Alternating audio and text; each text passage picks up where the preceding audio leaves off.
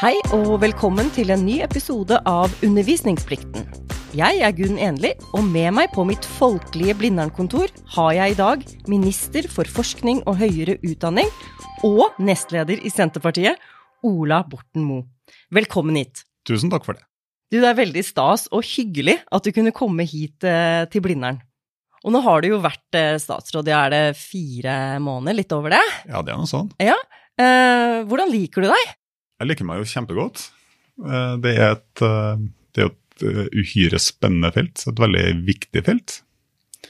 Det er jo bred enighet i Norge heldigvis om at veien framover går jo gjennom utdanning, forskning, utvikling, kompetanseløft for hele befolkninga. Og det er jo en slags, tenker jeg, vakker fortsettelse av nyere norsk historie. Som på sett og vis, i hvert fall for høyere utdanning, starta med etableringa av Universitetet i Oslo i 1811. Mm. 211 år siden. Og så har vi bygd uh, mer og mer, uh, og utover og utover. Og det har jo egentlig blitt et bedre og bedre land i takt med den utviklinga. Mm. Ja, og du lager jo et veldig stort eh, bakteppe her. Du lager en stor himmel, en høy himmel omkring feltet ditt. Du har kalt det for et av de aller, aller viktigste feltene i Norge. Og det er vel fordi at det, det eh, snakker med en del andre utfordringer eh, og utviklingstrekk. Ja, den, den aller største himmelen, det er vel eh, Altså, det her er jo kjernen, vil jeg, vil jeg argumentere for, i historien om det moderne Norge og nasjonsbygginga. Og den historien er jo på ingen måte over. Den er vi jo på sett og vis midt i. Eh, og det å både øke kvaliteten, øke kapasiteten, øke tilgjengeligheten, eh, det er jo litt tidløse spørsmål, egentlig. Og så tror jeg at vi møter en del av akkurat de samme utfordringene og debattene som det norske samfunnet har stått i siden, to, eh, siden 1811, da Universitetet i Oslo ble etablert. Den gangen så var det jo eh, Da lå vi under Danmark. Og her må jeg ta et forbehold, for det her vet ikke jeg sånn 100% men jeg, jeg er villig til å vedde eh, i hvert fall litt på at det var ganske mange i København som mente at det var en dårlig idé å etablere eh, universitetet i, i, i Oslo i 1811. Og på samme vis så var det jo ganske mange i Oslo som mente det var en dårlig idé å, etablere vårt andre universitet, da, som var Universitetet i Bergen i, i 1946. Og sånn har vi jo egentlig fortsatt uh, lite grann, men så viser det seg jo at kaka blir større. Eh, og kunnskap har jo det veldig vakre med seg at eh, det blir jo bare mer av det jo mer du deler det. Eh, Det er ikke som en hundrelapp der det blir, hvis du deler den i to, så blir det 50 kroner på hver. Med kunnskap så blir det rett og slett mer og mer jo mer du deler. Mm. Ja, og vi har jo hatt en utdanningsrevolusjon i, i Norge. Altså, du snakker om helt tilbake til tidlig 1800-tall, hvor Universitetet i Oslo var en viktig del av det å bli en nasjon. Nasjonsbygging. Og der er jo også Senterpartiet vel eh, Altså, det er jo et av Senterpartiets liksom, hovedområder, er vel også det nasjonale og regioner, og koble på det. Ja, og vi har jo hatt eh, altså det her har jo bestandig vært gjenstand for intens diskusjon i eh, norsk politikk. Eh, så en sånn eh, kuriositet er jo det at eh, en av våre andre veldig gamle institusjoner, det er jo eh, NMBU, eller eh, eh, Landbrukshøgskolen på Ås. Ja. Eh, det har blitt meg fortalt at den kom, den kom fordi at eh, det var på 1800-tallet. Da, var det jo, da hadde man jo bondeparagrafen. Eh, og så mente jo, eh, og sikkert med god grunn, så mente jo eh, embetsverket at det var på tide å få ei høyere teknisk utdanning. Eh, det nekta jo Stortinget, med et flertall av bønder, å sanksjonere, for de visste at det var dem som måtte betale, før du hadde fått ei høyere landbruksutdanning. Og sånn som jeg forstod det, så det er da grunnen til at Ås er gamlere enn Trondheim. Og NTH-etableringa kom jo i når var det, 1910-1911? Så den er jo litt uh, nyere dato. Uh, men uh, nå begynner vi jo å ha et eh, Vi har jo et, egentlig et ganske finmaska nett med universitet og høyskoler. Stadig flere universitet skal riktignok uh, sies, som er til stede i store deler av landet. Siste store breddeuniversitetet det var jo etablering av Universitetet i Tromsø. Det var det jo Borten-regjeringa som gjorde eh, på slutten av 60-tallet. Tror jeg har vært eh, et fantastisk viktig løft for den landsdelen, akkurat som Universitetet i Oslo har vært uhyre viktig for både Oslo og Norge. og hvis du har nappa NTNU ut av uh, Trondheim, så hadde Trondheim vært veldig annerledes og, mm. og, mye tristere. Absolutt, og det er jo noe med studentbyene, hvor du har så mye liv og gøy rundt uh, studenttilværelsen, sånn som i, i, i Trondheim særlig, da. Men, og i Oslo så, så, er jo byen mye større enn UiO, men det er jo et veldig viktig, som du sier, del av hele infrastrukturen her også. Men så er litt av eh, poenget mitt at den historien er jo ikke ferdig. og Det håper jeg vi kan snakke litt mer om senere, hvis du ser på demografi og kompetansebehov og tilgang på uh, arbeidskraft i det norske samfunnet både i nåtid og framover. Så allerede så, så, mangler vi riktig kompetanse på veldig mange steder, både i offentlig og privat sektor. Uh, og jeg tror vi kommer til å gå inn i en framtid der vi Eh, både pga. ei eh, demografisk utvikling der barnekullene blir mindre, eh, og dem som blir gamle, blir flere. Og kanskje også fordi at tilfanget på arbeidskraft fra utlandet blir mindre. Så kommer vi til å ha behov for å nå nye grupper med utdanning og kompetanseløft, rett og slett. Den, så den historien er ikke ferdig, den, eh, den fortsetter egentlig bare. Mm. Hva er det du tenker på da spesielt? Er det etter- og videreutdanning, kortere studieløp, digitale tilbud, desentralisering? Eh, jeg tenker at det der er en, et behov som sannsynligvis korresponderer ganske godt uh, med hverandre. En av de tingene som uh, overraska meg når jeg kom inn, uh, det var jo at snittalderen på de norske studentene er 29 år. Uh, det må jeg innrømme at var høyere enn jeg trodde. Mm. Uh, og det er kanskje litt under vignetten på seg selv, kjenner man andre, men jeg tror mange av oss tenker på studenttilværelser som noe du gjør etter førstegangstjeneste videregående. Ja. Tidlig 20-årene. Ja, altså man vil jo Man har jo et bilde av en student som er mye yngre enn 29.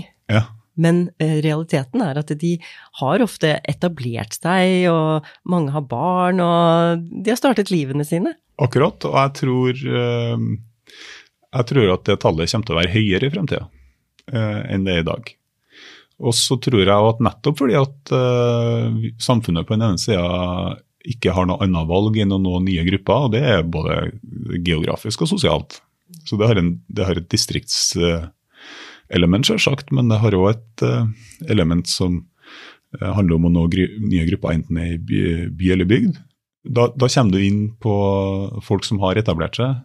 Som, som du sier, har familie og hund og, og rekkehus og, og, boliglån Volvo, ja. og, jobb. Mm. Eh, og da må jo eh, studieløpene tilpasses det. Eh, at folk eh, gjør andre ting i tillegg. Og jeg tror det i større grad kommer til å bety eh, behov for fleksibilitet Kanskje at uh, ting tar litt lengre tid enn det ville ha tatt hvis du hadde tatt det, tatt det på fulltid.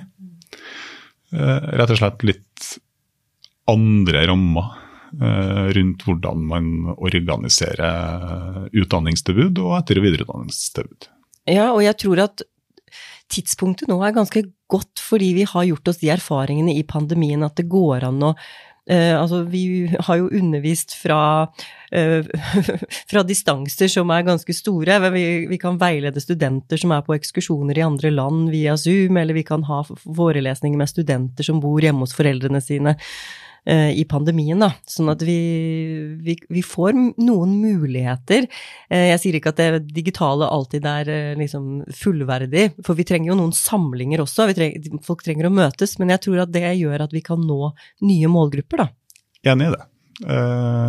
Det er sannsynligvis en av de positive lærdommene, hvis det går an å bruke ja. et sånt ord som vi trekker med oss ut av pandemien, og som vi kan bygge videre på. Og så tror jeg, Men jeg tror òg at pandemien har vist oss at Eh, altså Hvis noen hadde levd i den villfarelse at uh, høyere utdanning uh, blir et digitalt fenomen i fremtida, sånn i betydning bare, det tror jeg heller ingenting på. Det er behov for å møtes. Det er behov for uh, interaksjon mellom student og, og, underviser. Det er behov for at studenter treffer hverandre.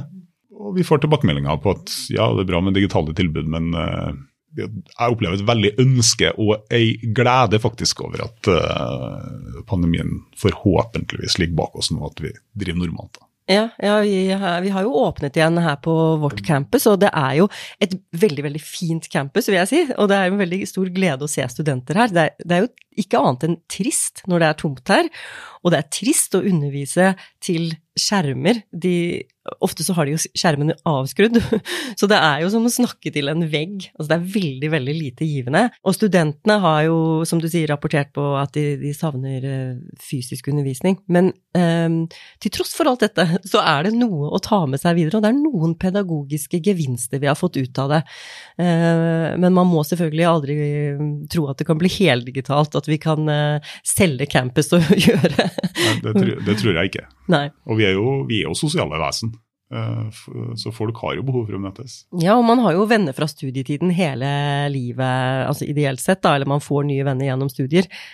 Eh, det er jo noe av gevinsten ved det, og at man blir vant til å diskutere og omgås andre. Helt korrekt. Det er, det er mye om meninga. Mm, det er mye om meninga, ja. Men så du sier at noe som overrasket deg, var at studentene var eldre enn du trodde. Er det andre ting som har overraska deg når du kom inn i dette? feltet? Jeg synes jo, For å ta pandemien, så syns jeg jo at det er egentlig ganske imponerende måten sektoren har håndtert den på. Uh, rett og slett fordi at selv med de enorme restriksjonene som har ligget uh, på, på, undervisning uh, og på universitets- og høyskolesektoren, så har man jo i stort klart og gjennomført progresjon som om pandemien ikke skulle ha vært der. Det syns jeg er imponerende.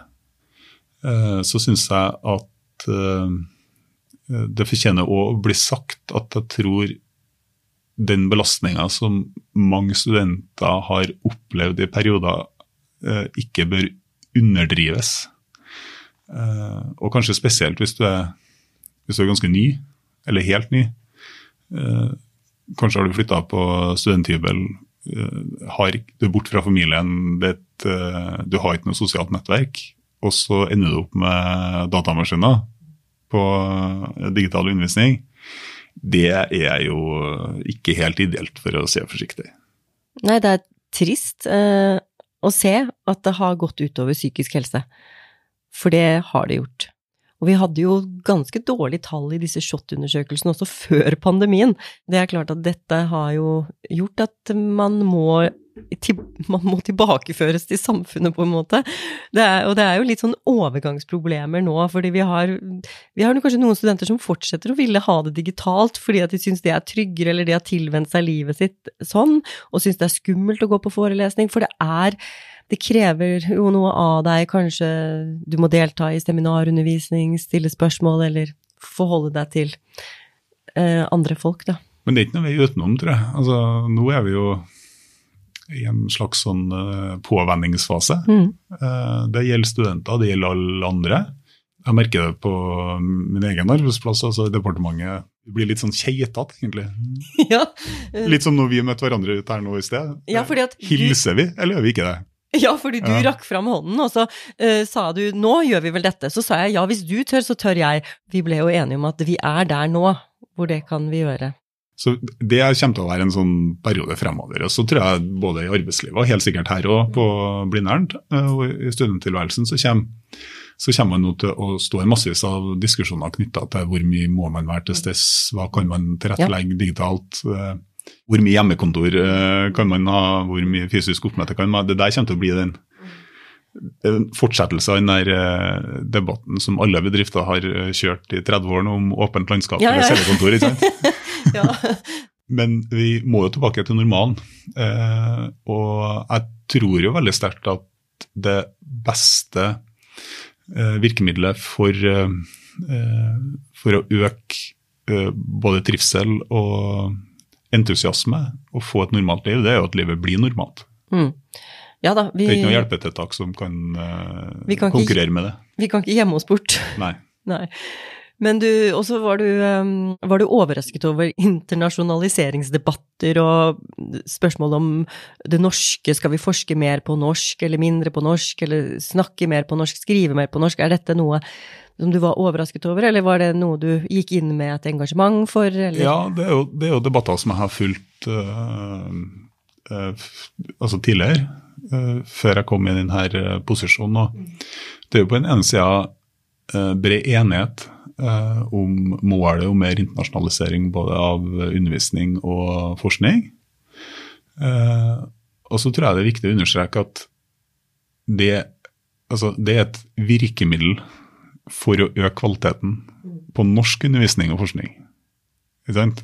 Så eh, når jeg sier målet, så går jeg litt i fella sjøl, at det er jo et virkemiddel eh, der eh, ambisjonen og målet det er å øke kvaliteten på det vi driver på med hjem her, eh, for at man på enda bedre vis skal klare å løse det viktigste samfunnsoppdraget man har som sektor, og det er jo å tilby nok kompetanse av så høy kvalitet som mulig eh, innenfor et vell av sektorer og, eh, og behov som er, er ute i samfunnet.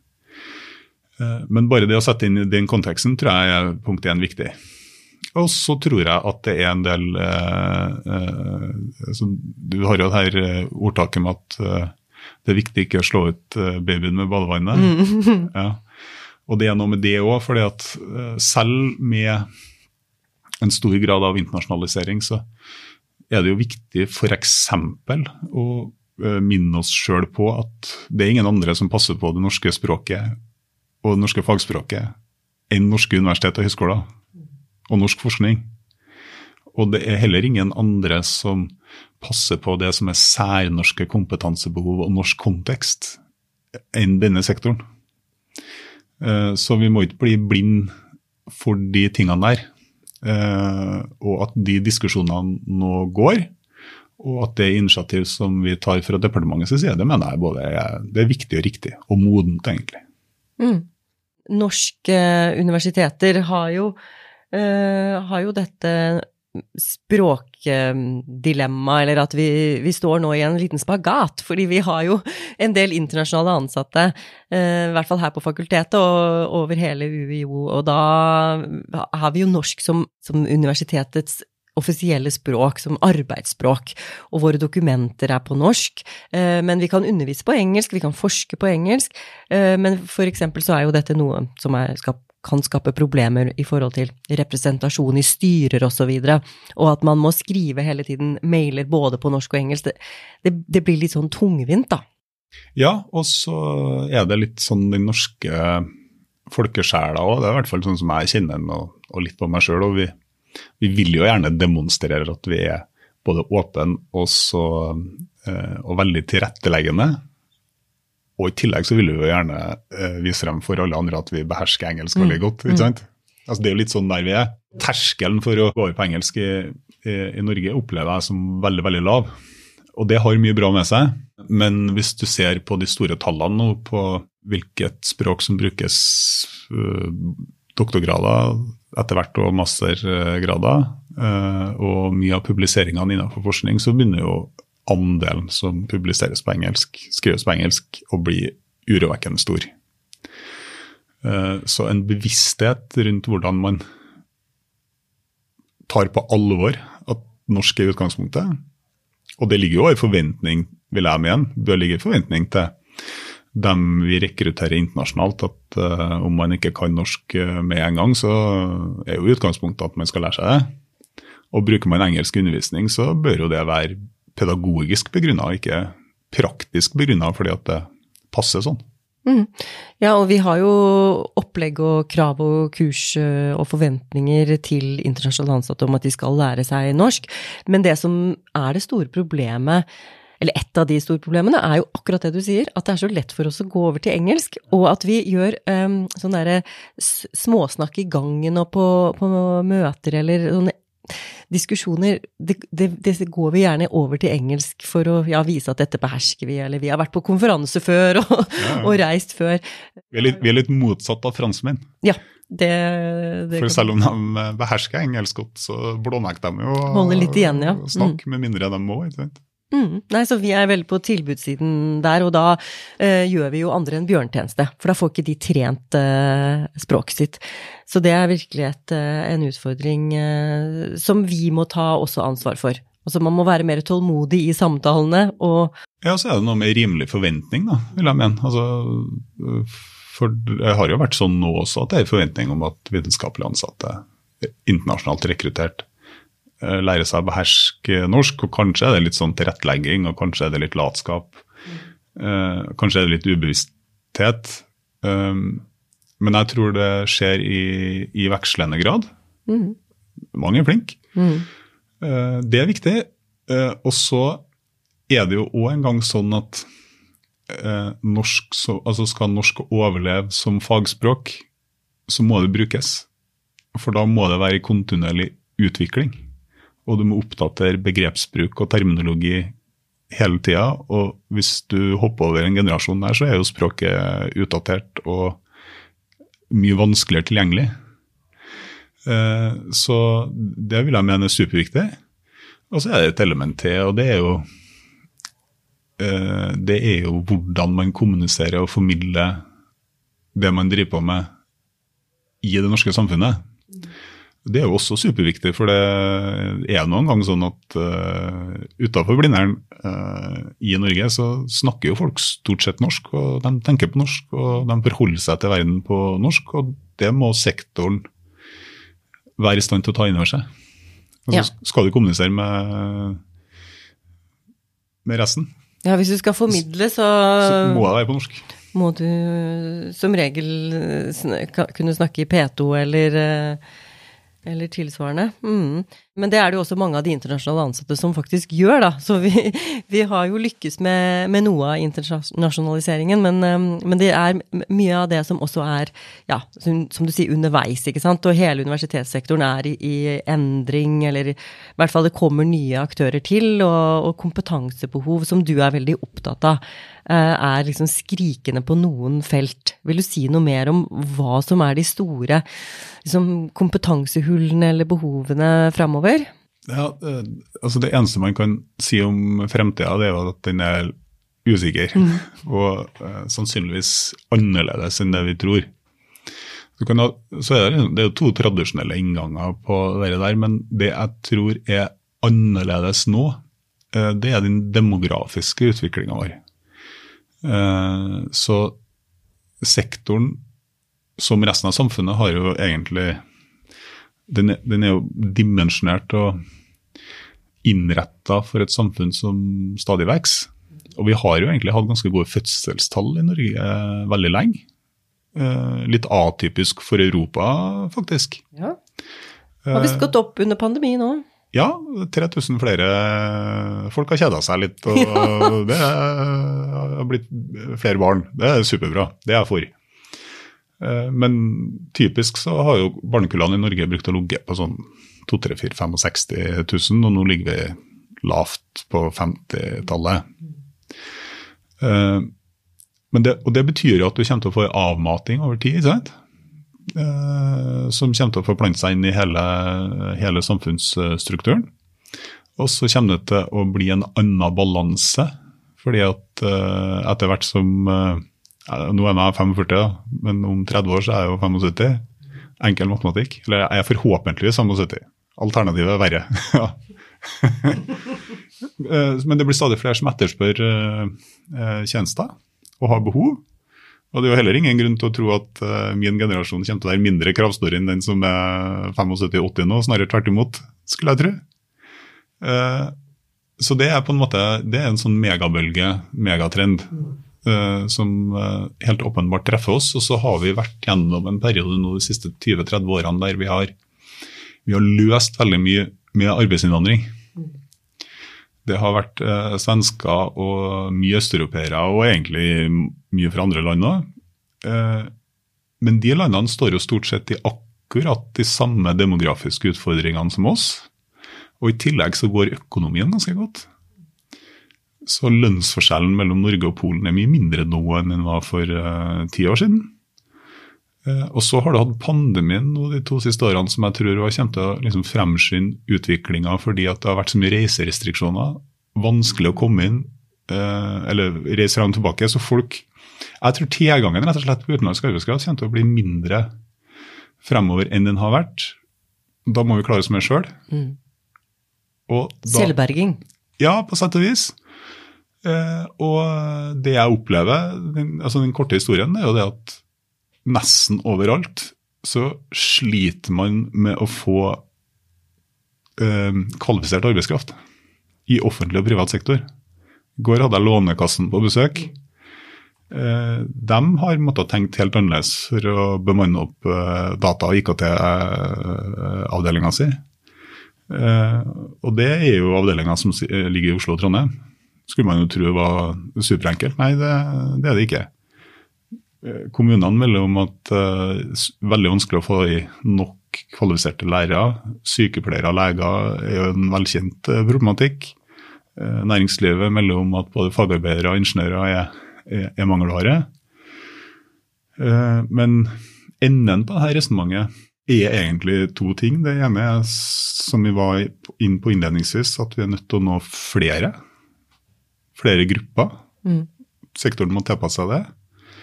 Og det andre er altså, en sterkere styring da, inn mot de tingene vi er helt sikre på at vi kommer til å trenge mer av. Mm. Vi vet vi trenger flere leger og sykepleiere.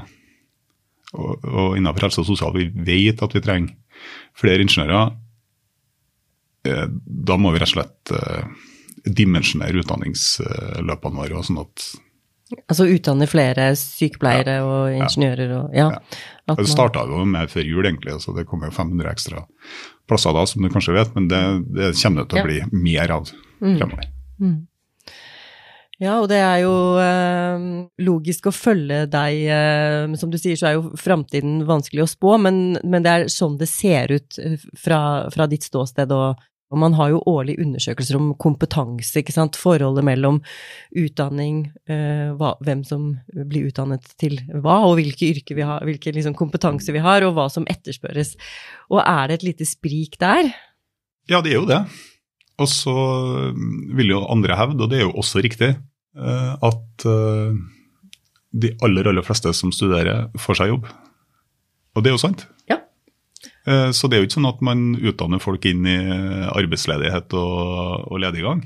Nei, absolutt ikke. Og vi har jo her på sant, eh, humaniora og samfunnsfag, så utdanner man jo folk som kan jobbe med veldig mye forskjellig, og som er veldig tilpasningsdyktige og kanskje ikke har noen sånn profesjonsutdanning som sådan, men som har den derre veldig fleksible bakgrunnen, da. Og det er jo også veldig nyttig i framtiden. Ja. Det er det. Så det er, det er å finne en balanse. Mm. Vi kan ikke slutte med samfunnsfag og humaniora, humaniora heller, selvsagt. Du har jo studert det selv, har du ikke det? Altså, ja, jeg studerte det selv. Ja, Hvordan var det? Rakk du å ta en cand.mag.? Jeg fikk jo jobb etterpå. Du fikk jobb etterpå, ja. ja. Så det er arbeidslivsrelevant? Ja, mm. visste jeg det. Visste jeg det. Var det historie og statsvitenskap? Ja, altså det her begynner jo å bli så lenge siden. Eh, så jeg studerte jo på NTNU på slutten av 90-tallet, tidlig 2000. Og eh, helt sikkert et, et, litt sånn dårlig planlagt studieløp. Det har jo skjedd mye etterpå, mm. med både kvalitetsreform og, eh, og med strømlinjeforming av mm. Det var jo ganske fritt, egentlig, på 90-tallet. Folk surra jo rundt på campus og ja, det var sånn for meg òg. Gjorde egentlig hva man ville. Uplanlagt, men til slutt ble man kan mag. Ja, det mangler jeg to og et halvt vekttall på. Jeg mangler den der X-fakken. Tok Åh, aldri den. Så ergerlig. Uh, og nå finnes jo ikke Kan-magen lenger heller. Nei. Men det er mulig jeg kunne ha konvertert det til en bachelor, da, har jeg tenkt. Ja, vi kan jo prøve å få det til, tenkte jeg. For hvis du vil ha en X-fak, så er jo ikke det så mye som skal til. Men trenger jeg den X-facen for å få en bachelor? Det er jeg ikke helt sikker på hvordan det ville være å konvertere, om du ville trengt det, eller om du kunne tatt noen studiepoeng i noe annet. X-FIL har jeg. Ja, godt. Eh, for jeg har ikke X-FAC i min grad, så ja. Ja. Jeg tok jo Kanmag og hovedfag, da. Og Kanmagen er jo fire år, så det høres jo kulere ut med cand.mag. En Bachelor. Ja, absolutt. Det kan du ha på dørskiltet ditt og Ja, det er jo litt morsomt, den anekdote da, over hvordan utviklinga har vært i Norge. Altså min, min far han eh, gikk katta i Trondheim, Mhm. og går du tilbake på, på 50-tallet, så var jo altså det å gå eh, allmennfag på katta, det var jo liksom sikkert jamgodt med en bachelor eller Ja ja. eh, kanskje en master til og med. Det var dag, høyt det var- på strå, det. Det var brukbart, det. Ja ja ja. Og så kom han inn på Ås. Og så har vi et avisutklipp hjemme med Adresseavisa, og da har man da, det er da oppslag med altså det, Disse trønderne eh, starter på Ås til høsten, og det må ha vært høsten 1969 eller 1970, tipper jeg. Ja, Det er ikke så lenge siden heller. Det er ikke så lenge siden. Nei. Og i dag så skal du egentlig skrive en ganske spektakulær doktorgradsavhandling i Trondheim før du får oppslag i eh, Adresseavisa. Ja, Det skjer jo nesten aldri. Det Skjer nesten aldri. Nei. Så det er bare en sånn Det er en indikasjon på hvor langt vi egentlig har flytta oss på egentlig ganske kort tid. Ja, det er ikke så lenge siden, nei. det har blitt eh, mer demokratisk. Altså Ja. flere folk har fått tatt utdanning. Det er veldig bra. Mm. Det er veldig bra. Det er jo eh, Det meste av dette er jo veldig bra og fint, og mye skyldes jo Lånekassa og generell samfunnsutvikling og en del andre faktorer. Men det vi også ser, er jo at det er fortsatt klasseskiller her. Det er sånn at de som har foreldre med høyere utdanning, har en høyere tendens til å fullføre og tar høyere utdanning. Hva tror du er grunnen til det? Ja eh, Det er jo et faktum, et statistisk faktum, at selv i, eh, i det her norske utdanningssystemet som egentlig er kjempetilgjengelig, altså det er gratis, Mm. Eh, Det er det jo som regel ikke i resten av verden. Og så har du i tillegg eh, Lånekassen, som er du, du har både lån og stipend. Mm. Rettighetsstyrt, egentlig. Det er jo heller ikke tilstanden i resten av verden. Eh, Men likevel så eh, ser man jo akkurat det du ser, og det er jo at eh, den sosiale mobiliteten eh, korrelerer ikke lenger med tilgangen på og muligheten for høyere utdanning. Og jeg, liksom, jeg har tenkt litt i mitt så altså Det er tesen min, da, at eh, vi demokratiserte dette her på 50-tallet og, og 60-tallet og hadde egentlig en kjempepool med, med talent. Og man tok reiser. Eh, nå tror jeg det er mye andregenerasjons innvandrere egentlig som går samme løypa.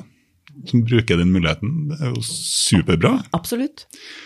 Og så har vi et uh, uf, åpenbart et uforløst potensial i uh, befolkninga for øvrig. Så er, men så er det kanskje sånn at alle ikke skal gå universitet, da. Absolutt ikke, men eh, det er jo bare det at eh, den sosiale mobiliteten eh, stopper opp. eh, Og det som jeg syns er så fint med utdanning, er jo at det kan forandre deg. Det kan endre hele liksom, forutsetningene dine, det kan endre hele horisonten din, det kan gi deg helt nye muligheter. Og, og løfte deg inn i et nytt lag, da, hvis man vil kalle det det. Og det, det skjer jo for en del, og som du sier, innvandrere og fortsatt eh, mange som opplever det. Men det er, men det er også ja, litt synd å gå glipp av talent, eh, selvfølgelig. Men eh, vi trenger folk i ulike yrker, og ikke alle trenger å ta grunnfag og, eller bachelor og mm, nesten en kanmak som deg for å bli statsråd. Men nå sitter du i statsrådposten og har eh, fått mange saker på bordet ditt, og en av de sakene du har hatt, er jo denne tosensorordningen.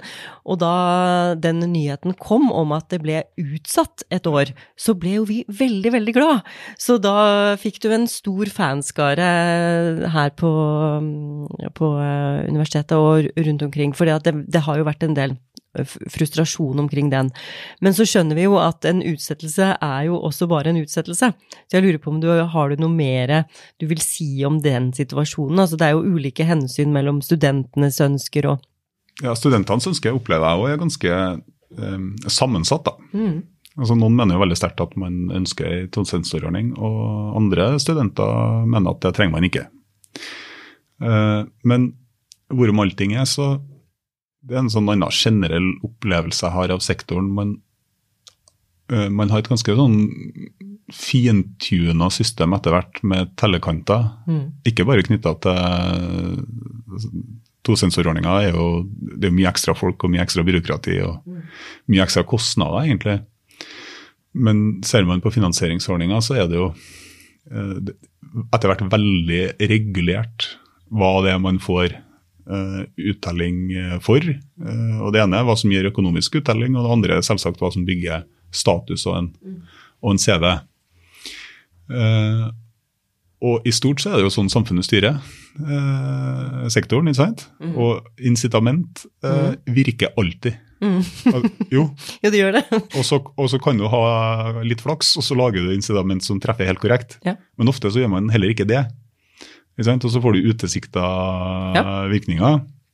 Yndlingseksempelet mitt det var forrige gang vi hadde strømkrise. Det er snart 20 år siden. Da ga staten tilskudd til varmepumper, luft til luft. Mm -hmm. Det skulle altså ja. løse strømkrisen. ikke sant? Og Konseptet var jo at du skulle spare strøm. Mm. Effekten ble jo at du brukte mye mer strøm. Fordi at det var to ting som skjedde som man ikke hadde tenkt på. Det ene var at folk eh, slutta å fyre med ved, for man gidda ikke det. Og det andre var at man varma flere rom. Ja. Komfortperspektivet altså et incitament som åpenbart fungerte kontraproduktivt. da, mm. Ut fra det målet som Det fungerte, men det hadde en del eh, utilsikta Ja, det fungerte helt motsatt av det man ja. hadde håpa på. Ikke sant? Ja, og Sånn er det av og til. Mm. Så nå ligger det jo på, eh, på trappene egentlig massevis. altså Nå kommer det jo et veldig interessant arbeid knytta til akademisk frihet. Ja. Jeg er spent på hvordan man der tenker opp mot uh, finansieringssystemene våre. Vi har en tillitsreform på trappen. Mm. Som, veldig spennende.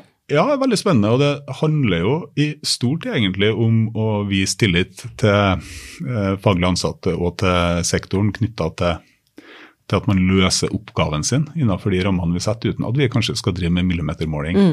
hele veien. For det skaper, ja. det skaper mye føss rundt. da. Det er mye jobb som går med til det. Ja, mye jobb som går med til det, og man, eh, man får kanskje flytta noen ressurser fordi man løper etter de incinamentene som ligger der, da.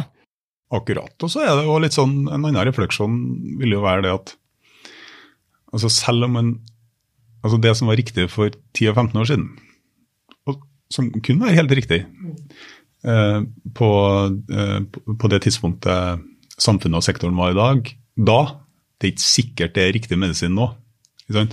Så selv ting som har virka, bør man jo med jevne mellomrom eh, se gjennom, gå gjennom. Eh, er dette her eh, optimalt? Mm. Kan vi gjøre det bedre? Eh, kan vi kutte uh, unødig ressursbruk og, og rapportering? Mm. Og det tror jeg veldig sterkt at vi kan. Ja.